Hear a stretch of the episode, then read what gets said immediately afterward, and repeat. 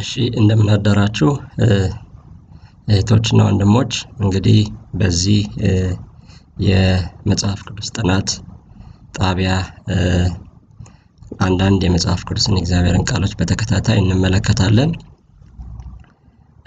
ኦሪት ዘፍጥረት ምዕራፍ አንድ ያሉትን አንዳንድ ኃይለ ቃሎች እያየን የመጽሐፍ ቅዱስ ተከታታይ ጥናታችንን የምንቀጥል ይሆናል።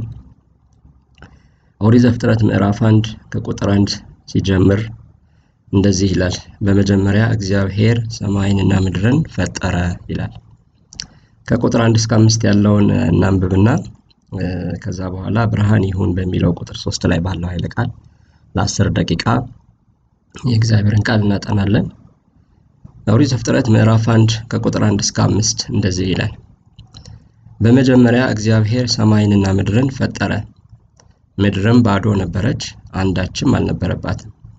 ጨለማም በጥልቁ ላይ ነበረ፣ የእግዚአብሔርም መንፈስ በውሃ ላይ ሰፎ ነበር። እግዚአብሔርም ብርሃን ይሁን አለ፣ ብርሃንም ሆነ። እግዚአብሔርም ብርሃኑ መልካም እንደሆነ አየ። እግዚአብሔርም ብርሃንንና ጨለማን ለየ። እግዚአብሔርም ብርሃኑን ቀን ብሎ ጠራው፣ ጨለማውንም ሌሊት አለው። ማታም ሆነ ጠዋትም ሆነ አንድ ቀን ይላል። እንግዲህ በዚህ ክፍል መጽሐፍ ቅዱስ ሲጀምር እግዚአብሔር አለ ብሎ ሳይሆን የሚጀምር የእግዚአብሔርን መኖር አምኖ በስራው ነው የሚጀምርልን። መጽሐፍ ቅዱስ የእግዚአብሔርን መኖር ለማረጋገጥ ሳይሆን የእግዚአብሔርን መኖር አምኖ ስራውን ነው የሚገልጥልን። እግዚአብሔር ማን እንደሆነ፣ እግዚአብሔር ምን እንዳደረገና እግዚአብሔር ከኛ ምን እንደሚፈልግ እነዚህ ነገሮች እናገኝበታለን በመጽሐፍ ቅዱስ። ስለዚህ ሲጀምር በመጀመሪያ እግዚአብሔር ሰማይንና ምድርን ፈጠረ ይላል። In the beginning God created the heavens and the earth ይላል። እዚህ ላይ የጠቅላላው ዓለም ወይም የመላው ፍጥረት ዓለም መሰረታዊያን የተባሉ ነገሮች እንደሚገኙበት ይሄ የመጀመሪያው አረፍተ ነገር ይነግረናል። ምክንያቱም ጠቅላላው ዓለም አሁን በሳይንስ ዓለም እንደሚነገረው ጠቅላላው ዓለም ከአራት መሰረታዊ ነገሮች እንደተገኘ የሳይንሱ ዓለም ይናገራል። እነዚህ ምንድን ናቸው? ስፍራ፣ ጊዜ፣ ቁስ አካልና ኃይል ናቸው። space፣ time፣ matter እና energy ናቸው ማለት ነው። ስለዚህ እነዚህን አራቱን ደግሞ በዚህ በመጀመሪያው አረፍተ ነገር እናገኘዋለን። በመጀመሪያ የሚለው ቃል የጊዜን መጀመር ያሳየናል። ከዛ ሰማይ የሚለው ቃል የስፍራ ወይም space መፈጠሩን ያሳየናል። ምድር የሚለው ቃል matter ወይም ቁስ አካል መፈጠሩን ያሳየናል። ፈጠረ የሚለው ቃል energy ወይም ደግሞ ኃይል መምጣቱን ያሳየናልና space፣ time፣ matter እና energy ስፍራ፣ ጊዜ፣ ቁስ አካልና ኃይል በመጀመሪያው የመጽሐፍ ቅዱስ አረፍተ ነገር እናገኛቸዋለን ማለት ነው። ከነዚህ ከመሰረታዊያን እንዲያውም ይሄንን አባቶች ምን ይሉታል? አስራወ ፍጥረታት ከሚሏቸው ውስጥ ናቸው። እነዚህ አስራወ ፍጥረታት በግዕዝ የፍጥረታት መሰረቶች ማለት ነው። የፍጥረታት መሰረቶች አሉ። ከዛ ከነዚህ ነው ሌሎች ፍጥረታት የተገኙት። ለምሳሌ ከምድር ላይ በሚቀጥለው በሶስተኛው ቀን ማክሰኞ ምድር ከተፈጠረች በኋላ ከምድሩ አትክልት፣ እንስሳት ተገኝተዋል። ምድር ታብቅል እያለ እግዚአብሔር ወደ ታች ይናገራል። በሰማይ ላይ ብርሃናት ተፈጥረዋል። ስለዚህ ግብር እምገብር ከተፈጠረው ላይ እየተፈጠሩ ሌሎች ስለተገኙባቸው እነዚህ አስራወ ፍጥረታት ወይም የፍጥረታት መሰረቶች ከሚባሉት ውስጥ ናቸው። ከዛ በኋላ ምድር ባዶ ነበረች፣ አንዳችም አልነበረባትም፣ ጨለማም በጥልቁ ላይ ነበረ ይላል። ጨለማም አንድ የተፈጠረ ነው፣ የነበረ ሆኖ ነው የምናገኘው እዚህ ጋር። ምድርም ባዶ ናት ገና ማለት ነው። ከዛ በኋላ የእግዚአብሔርን መንፈስ በውሃ ላይ ሰፎ ነበር ይላል። እንግዲህ ዓለም የተፈጠረው በእግዚአብሔር ቃል ነው። የተከናወነው ወይም የተጠበቀው ደግሞ በእግዚአብሔር መንፈስ ነው። እንግዲህ እግዚአብሔር አብ፣ ወልድ፣ መንፈስ ቅዱስ ናቸው ነው። አብ አሳቢ ነው፣ ወልድ ተናጋሪ ነው፣ መንፈስ ቅዱስ ፈጻሚ ነው።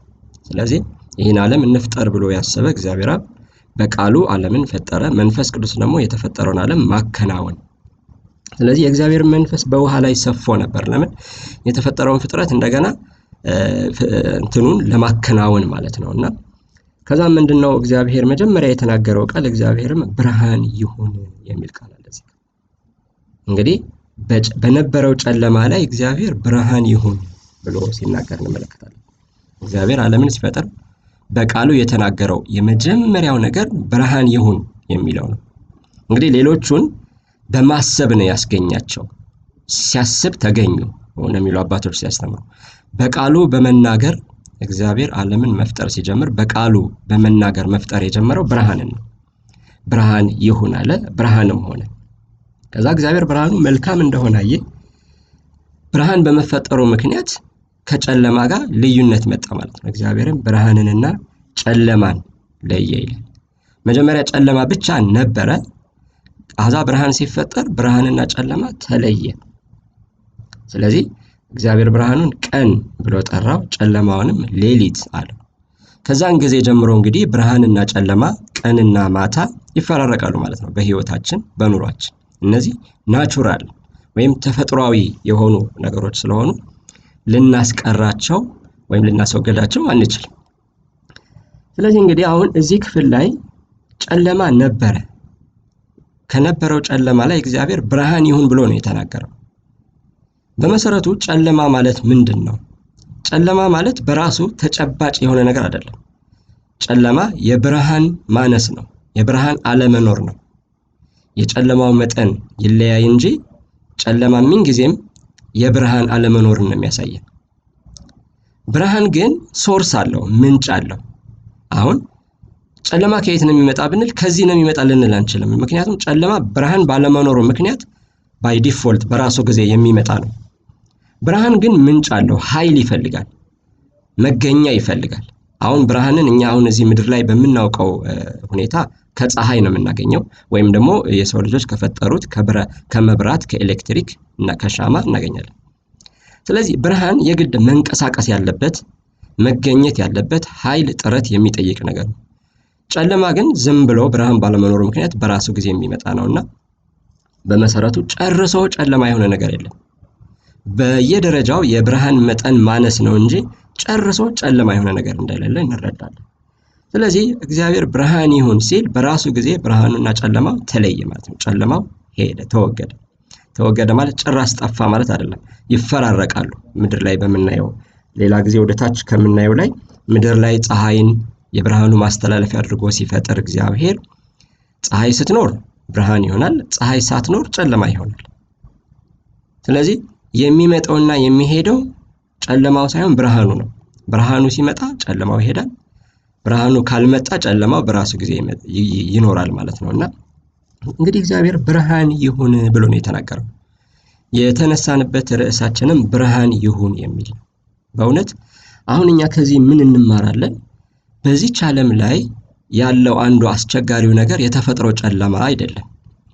የተፈጥሮውን ጨለማማ በሰራናቸው የኤሌክትሪክ መብራት በማግኘት ማብራት ችለናል። አሁን ያስቸገረን የህይወት ጨለማ ነው። የሰብአዊነት የመንፈሳዊነት መጥፋት ይህንን የማይታየውን ጨለማ ብርሃናዊ በሆነ ንግግር ለማስወገድ ወይም ለማስቀረት መንቀሳቀስ። እኛ የእግዚአብሔር ልጆች ከሆንን እንደ እግዚአብሔር ሊሆን ይገባል ንግግራችን።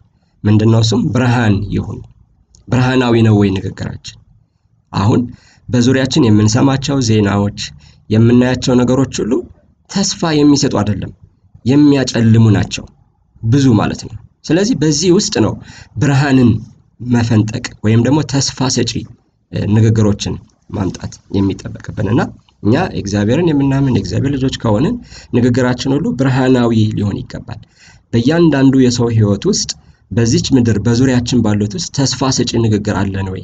ብርሃን ነው ወይ? በእውነት ካስተዋል ነው ሰው ጨለማውንማ በጣም በጣም በብዙ መንገድ ያገኘዋል። ዜናው ምናምን ሁሉ እሱ ነው። የሚፈለገው ግን አንዲት ሻማ መለኮስና በዛ ጨለማ ውስጥ ተስፋን ማሳየት ነው። ስለዚህ በዙሪያችን ምንድን ነው የምናወራው? የምንገልጠው አፋችን የሚናገረው ምንድን ነው? በእውነት እንደ ራሱ እንደ እግዚአብሔር ንግግራችን ሁሉ ምን ይሁን? ብርሃን ይሁን፣ ተስፋ ሰጪ ይሁን፣ ሰዎች ለውጥን እድገትን የሚያዩበትን ብርሃናዊ ንግግር እንድንናገር ያስፈልጋል ነው እና የዛሬው መልእክቴ እንግዲህ ከዚህ ከመጽሐፍ ቅዱስ ከኦሪት ዘፍጥረት ምዕራፍ አንድ ከቁጥር ሶስት ባለው ኃይለ ቃል ተነስተን እግዚአብሔር ዓለምን ሲፈጥር ብርሃን ይሁን በማለቱ እኛም ንግግራችን ብርሃን እንዲሆን ተስፋ ሰጭ እንዲሆን ለማለት ነው። እንግዲህ እግዚአብሔር በቃሉ ስላስተማረን ስሙ ለዘላለም የተመሰገነ ይሁን። በሚቀጥለው በክፍል ሁለት ደግሞ ሌላውን ክፍል እንዲሁ እናያለን። ያስተማረን እግዚአብሔር የተመሰገነ ይሁን። መልካም